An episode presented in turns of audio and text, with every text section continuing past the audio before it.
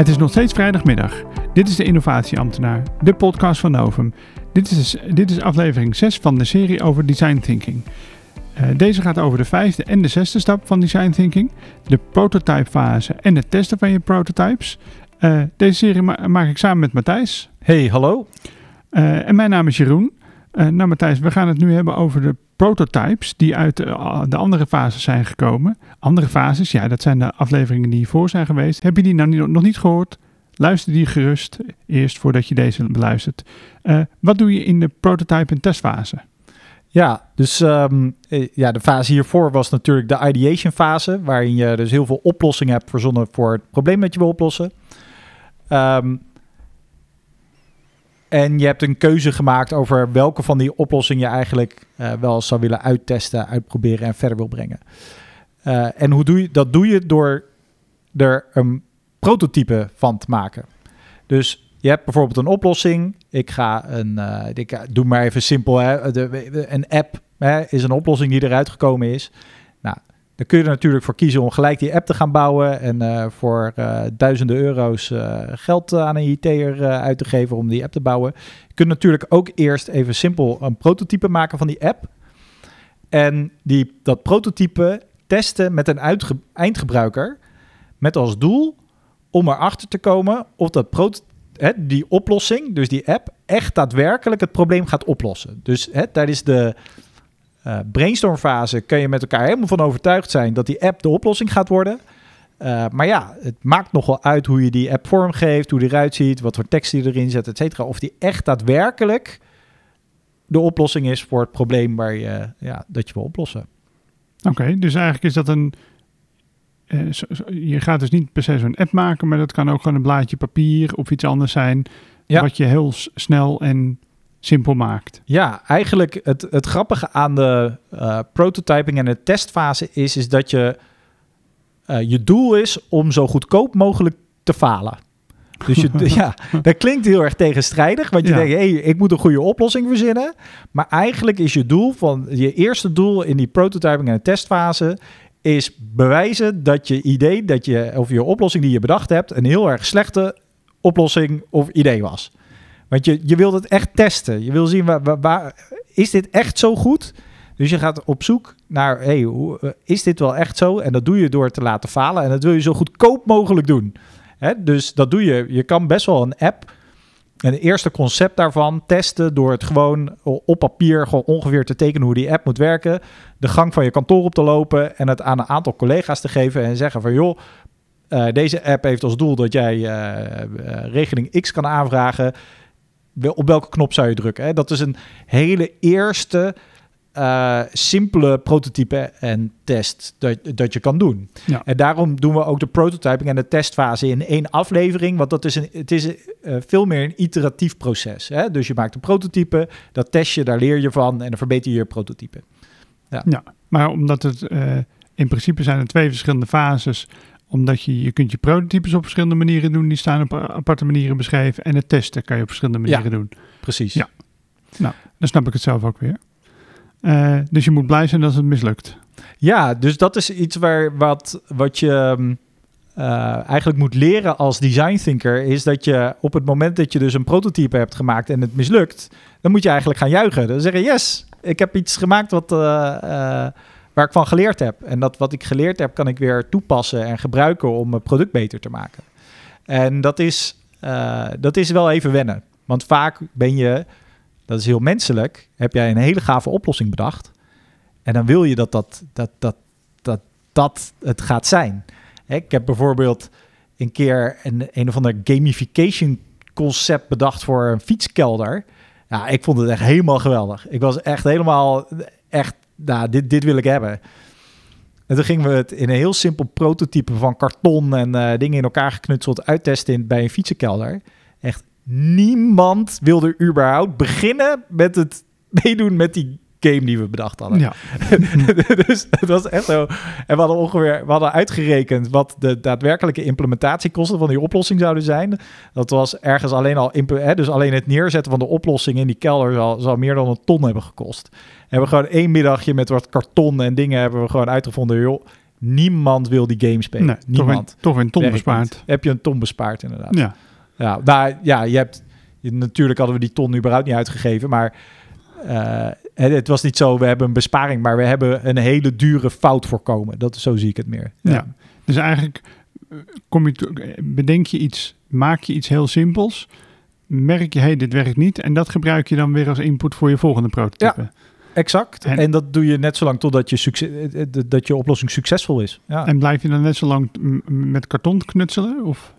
Nee, dus wat, eigenlijk wat, wat wij proberen is inderdaad eh, wel te beginnen met dus echt heel, wat we noemen low fidelity. Hè? Dus een heel erg goedkoop, heel erg simpele prototypes om eigenlijk de, de kern van je oplossing mee te kunnen testen. Dat is vaak met karton en papier en, eh, en eh, simpele materialen zo goedkoop mogelijk. Als je merkt van hé, hey, dit, dit heeft eigenlijk best wel veel mensen die komen hier doorheen. Hè? Dus vaak testen we die dingen ook gewoon met hoeft niet per se iemand vanuit de doelgroep te zijn. Hè? Dat is alleen maar, joh, heb ik, ben ik iets aan het maken wat een mens überhaupt snapt om te kunnen gebruiken. Hè? Maar als je daar een beetje doorheen bent door die fase, dan kan het wel handig zijn om een wat meer geavanceerder prototype te maken. Wat al echt gaat lijken op het eindgebruik. eh, eindproduct. Dat doen we dan weer een high fidelity. Hè? Dus met veel meer detail en het begint echt te lijken op het eindproduct. Maar het is nog niet het echte eindproduct. Ehm, En kan je daar een voorbeeld van geven? nou, om maar weer even het voorbeeld van die app aan te houden, omdat dat een makkelijk voorbeeld is. Hè. In het, dus in het begin beginnen we dat met papier gewoon uit te tekenen op eh, A4'tjes. Maar je hebt tegenwoordig ook gewoon prototyping software, zoals eh, Figma volgens mij eh, gebruiken wij de laatste tijd veel, waar je gewoon eigenlijk die hele app al helemaal kan vormgeven zoals hij er in het echt uit komt te zien. En mensen kunnen er ook echt doorheen klikken. Dus een clickable prototype noemen we dat. Alsof de app echt werkt. Eh, dus, en daarmee kun je natuurlijk heel erg goed testen of bepaalde eh, klikpaden die iemand door die app moet maken, of die goed werken, of ze snappen hoe de app werkt en dat soort zaken. Ja, Dus eigenlijk gewoon klikbare plaatjes. ja klikbare plaatjes zijn het vaak. Ja, ja, en plaatjes zijn natuurlijk sneller te maken dan een hele app. Exact. Dus daarom gebruiken we, eh, maar ook voor het maken van dit soort prototypes is al een flinke tijdsinvestering. Hè? Dus eh, vaak maken we daarom dus die, die meer hele ruwe concepten eh, daarvoor, omdat het nog ve vele malen goedkoper is. Hè? Dus je begint echt met eh, dingen die een tientje, max 50 euro kosten. En dat kan helemaal doorgroeien tot prototypes die wel meer dan 1000 euro kosten. Hè? Maar dan, ja, je wil niet gelijk een prototype van 1000 euro maken, want prototypes gooi je per definitie weg. Ja. Hè, dus dat is een, een product wat, of iets wat je gebruikt om je concept te testen. Het is niet je product wat je uiteindelijk naar echt gaat gebruiken. Ah, ik snap het. Eh, nou, mocht je het nou niet snappen, dan eh, laat het ons weten. Stuur ons een mailtje naar podcast.nova.nu. Ja, Eh maar goed, dan heb je dus zo'n zo'n prototype gemaakt. ja, En hoe test je dat? ja dat is. ehm,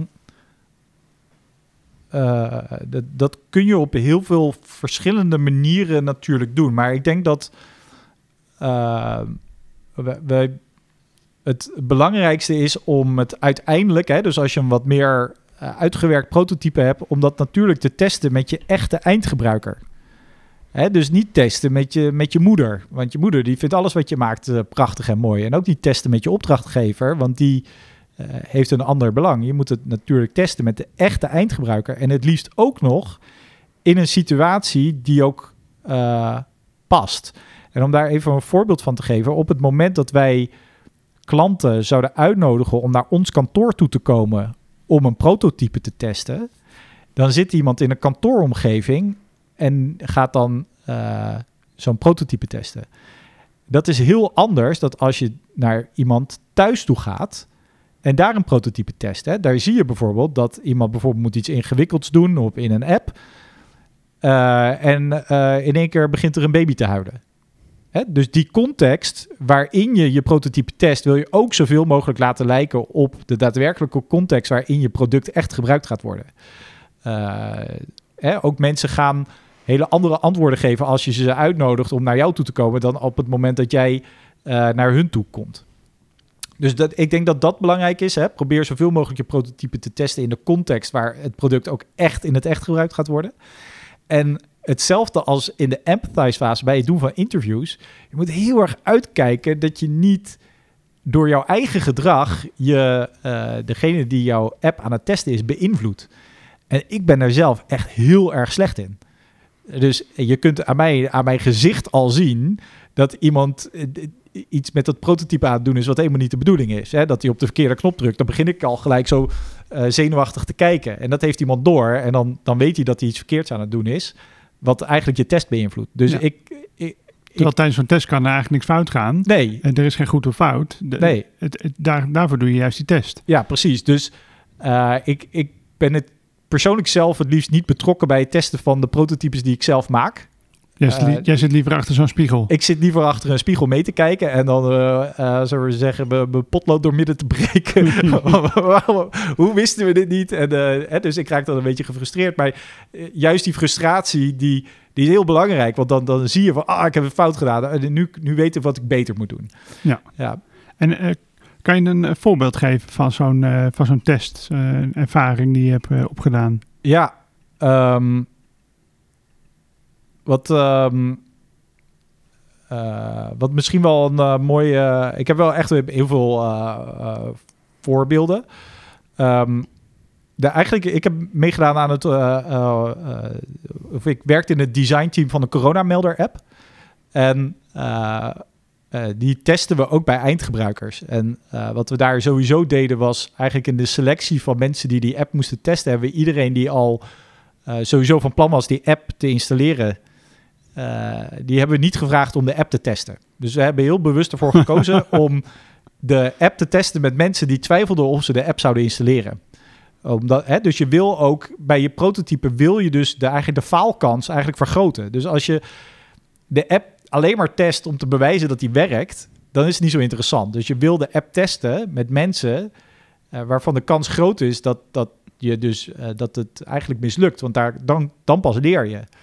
Um, maar wat ik in, uh, ik kon dus uh, via video, videoverbinding meekijken hoe die mensen die app aan het testen was. En wat ik heel knap vond, uh, dus dit is een positief voorbeeld hè, van de, hoe het testen goed ging, was dat er was een mevrouw en die was dus op een pagina in de app waarin uitgelegd werd dat jij als jij langs iemand fietst met de coronamelder app, dat je dan en je hebt corona, dat dan niet gelijk de app van die andere afgaat. Hè? Dus dat het niet een uh, soort van alle alarmbellen gaan af als jij corona hebt en je loopt langs iemand. Dus stond letterlijk uitgelegd op die pagina.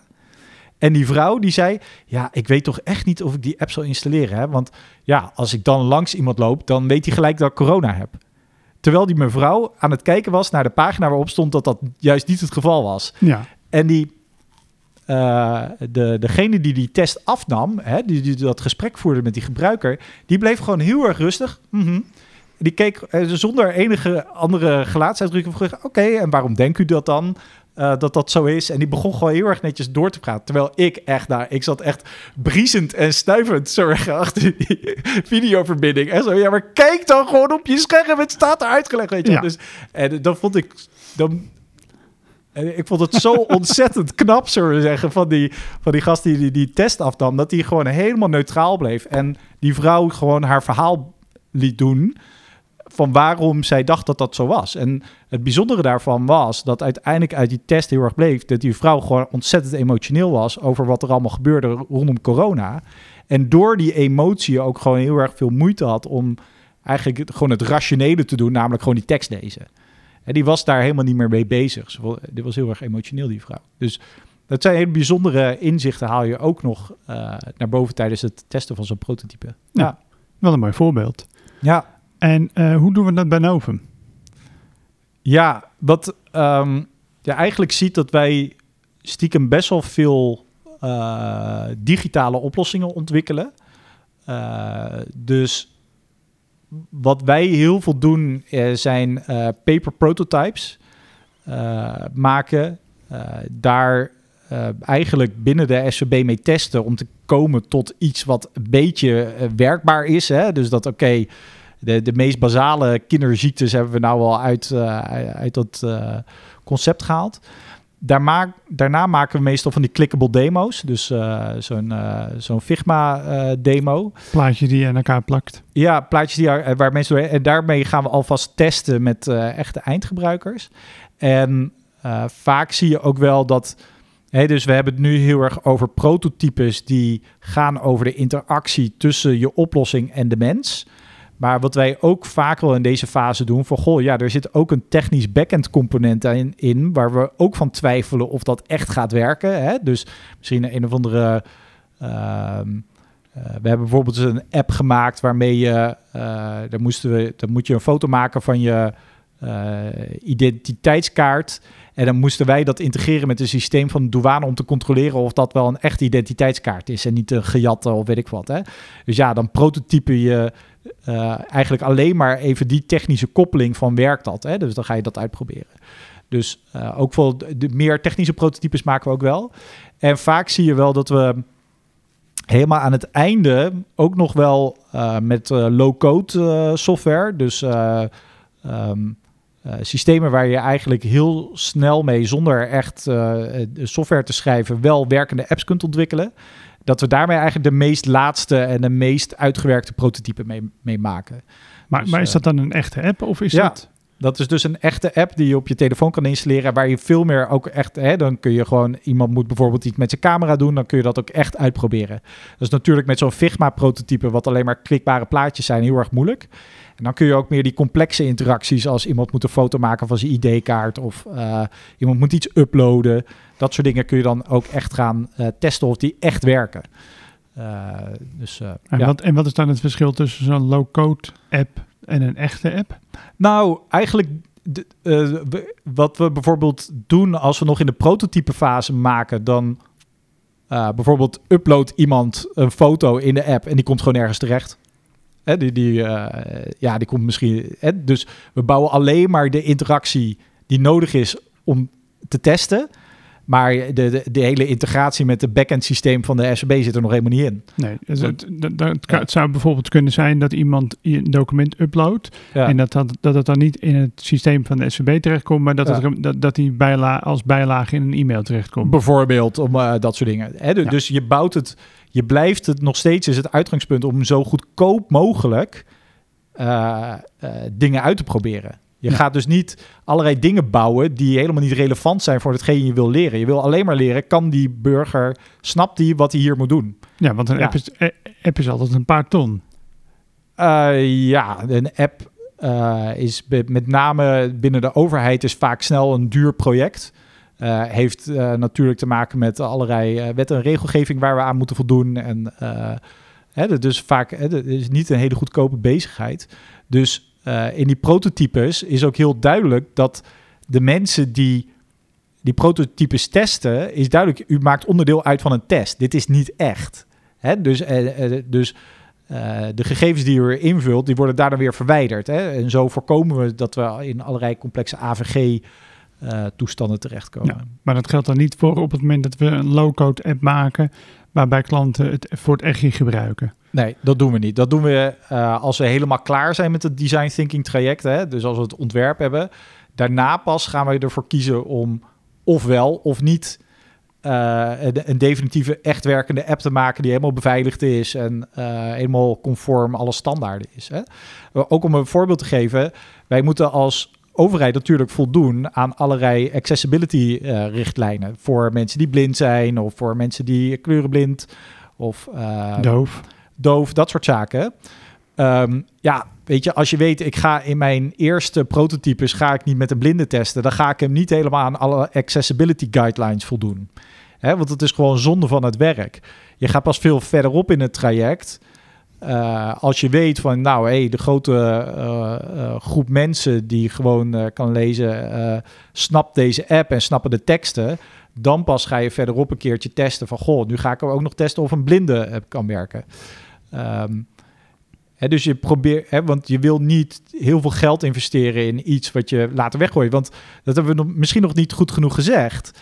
Kijk, nu lijkt het alsof je je prakt één oplossing uit je ideation fase en je gaat net zo lang prototypen en testen, prototypen en testen totdat het werkt. Het kan natuurlijk ook heel goed zijn dat je gewoon in het traject erachter komt, dit werkt gewoon niet. Nee, dus dan moet je weer iets anders eh, pakken om te Ja. gaan prototypen en testen. Ja, dan flikker je het in de prullenbak en dan ga je terug naar je whiteboard vol met oplossingen en dan zeg je, hey, wat maakt het nou dat die oplossing niet werkt? Nou, dat heeft ermee te maken dat onze doelgroep eh, bestaat uit heel veel blinde mensen en die hebben moeite met, eh, eh, nou ja, goed, dit is een slecht voorbeeld, maar hè, er is een karaktereigenschap in onze doelgroep die maakt dat deze oplossing niet bij hun past. Nou, oké, al die oplossingen doen we weg. Wat is nou een oplossing die wel goed bij die doelgroep past? En dan uh, ga je eigenlijk het traject weer opnieuw in. Ja. ja. Dus, eh, dus eigenlijk wat je zegt is, prototypes mislukken altijd. Prototypes, als je een prototype hebt gemaakt, je gaat het testen en het lukt alleen maar, dan heb je geen goed prototype gemaakt. Dus of dan daag je jezelf niet goed, dan stel je niet goed genoeg de vragen. dus het kan best zijn dat je eerst een prototype en je geeft aan iemand en het is gelijk geweldig, iedereen snapt het. Nou, misschien is het dan een goed idee om een uh, uh, nog eens even goed te kijken van ja, was deze persoon nou echt mijn doelgroep? Zitten daar misschien ook mensen in die laaggeletterd zijn? Ik noem maar iets geks, hè? dat is ook echt een groot probleem in Nederland. Maar heb ik uh, mijn oplossing ook getest met laaggeletterden? En kunnen die dan door, de, door dezelfde ervaring heen komen? Ja. Ah. Want, heb je een voorbeeld van, een, van, van iets wat we getest hebben wat, wat goed ging, wat goed liep? Um, ja, ik denk wat, uh, wat een leuk traject was, dat was uh, rondom uh, de remigratie-app was dat. Dus we hebben echt een app ontwikkeld en die hebben we hier intern getest met, met eindgebruikers. Gewoon bij ons in het lab dat wel, hè. dat we niet bij die mensen thuis. Want als iemand remigreert, dan is hij in het buitenland, dus dat was een beetje lastig. Um, uh, ja, en dan zie je dat heel erg dat iteratieve proces heel goed is gegaan. Waarbij we ook echt de volgorde van oké, welke stappen moet nou iemand zetten in die app. Ook best wel weer hebben aangepast op basis van de inzichten die, daar, die we daar hebben opgehaald. Dus uh, ja. Ja, en die stappen kon je makkelijk aanpassen omdat je iets heel simpels en iets heel goedkoops had gemaakt. Ja, en wat ook heel leuk was aan dit project is dat we ehm, dus ja, aan de ene kant hadden we natuurlijk die app waarmee mensen uh, dus gebruik kunnen maken van de remigratieregeling. Maar er komt uiteindelijk ook iets binnen bij de SEB wat een medewerker moet oppakken. Dus we hebben hetzelfde ook gedaan met medewerkers die de remigratieregeling uit moeten voeren. En gevraagd, ja, als je het zo binnenkrijgt in jouw backend systeem, ja, wat zou je daar dan handig aan vinden en hoe kan dat beter? En uh, dat was, uh, we hebben echt teruggekregen ook van die medewerkers dat ze die samenwerking ook heel erg prettig vonden. Omdat dingen die niet lekker waren in het ontwerp gewoon aangepast werden. Hè? Dus ze werden echt betrokken in dat ontwerpproces op deze manier. Ja. Dus dan komen we een beetje terug aan de, aan de rode draad, maar zeggen, rondom design thinking. Hè? Het is met die gebruiker testen. Hè? Het is dus niet, ik denk dat dit werkt omdat mijn collega's zeggen dat het werkt. Nee, ik test het echt met mijn echte eindgebruiker of het echt werkt. Ja, en dat is ja. dus ook de reden waarom design thinking belangrijk is om te doen. En daarom, dat is ook de reden dat het nu binnen de overheid steeds normaler wordt om het te doen. Ja, ik, ik denk ook wel dat we steeds vaker als overheid in situaties terecht zijn gekomen waarbij we heel veel geld hebben uitgegeven aan een oplossing die uiteindelijk niemand gebruikt. Nee. En uh, uh, de design thinking is natuurlijk wel een methodiek om erachter te komen of je oplossing überhaupt gaat werken voordat je een heel groot uh, implementatieproject hebt gedaan. Hè? Dus er is helemaal niks mis met een Prins 2 waterval ICT-project. Maar op het moment dat de oplossing die, die je vraagt om, om uh, gebouwd te worden, gewoon in, intrinsiek gewoon niet, niet goed is, dan mislukt dat project. Ja. En door design thinking voorafgaand aan zo'n project te doen, weet je zeker of heb je een veel hogere slagingskans. Omdat alle fouten, die heb je al in, met name in die prototyping fase en kinderziektes, heb je er al uitgefilterd. Ja, ja. ik snap hem. Nou, dat is een mooie afronding van uh, deze serie over design thinking.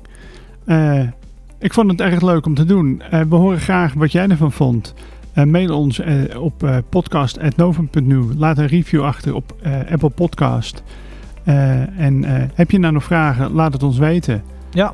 Matthijs, het is bijna tijd om naar huis te gaan. Ja, het is vijf voor vijf, dus... Nou, hebben we mooi gedaan deze serie. Ja. Dankjewel. Graag gedaan. Fijn weekend. Joep.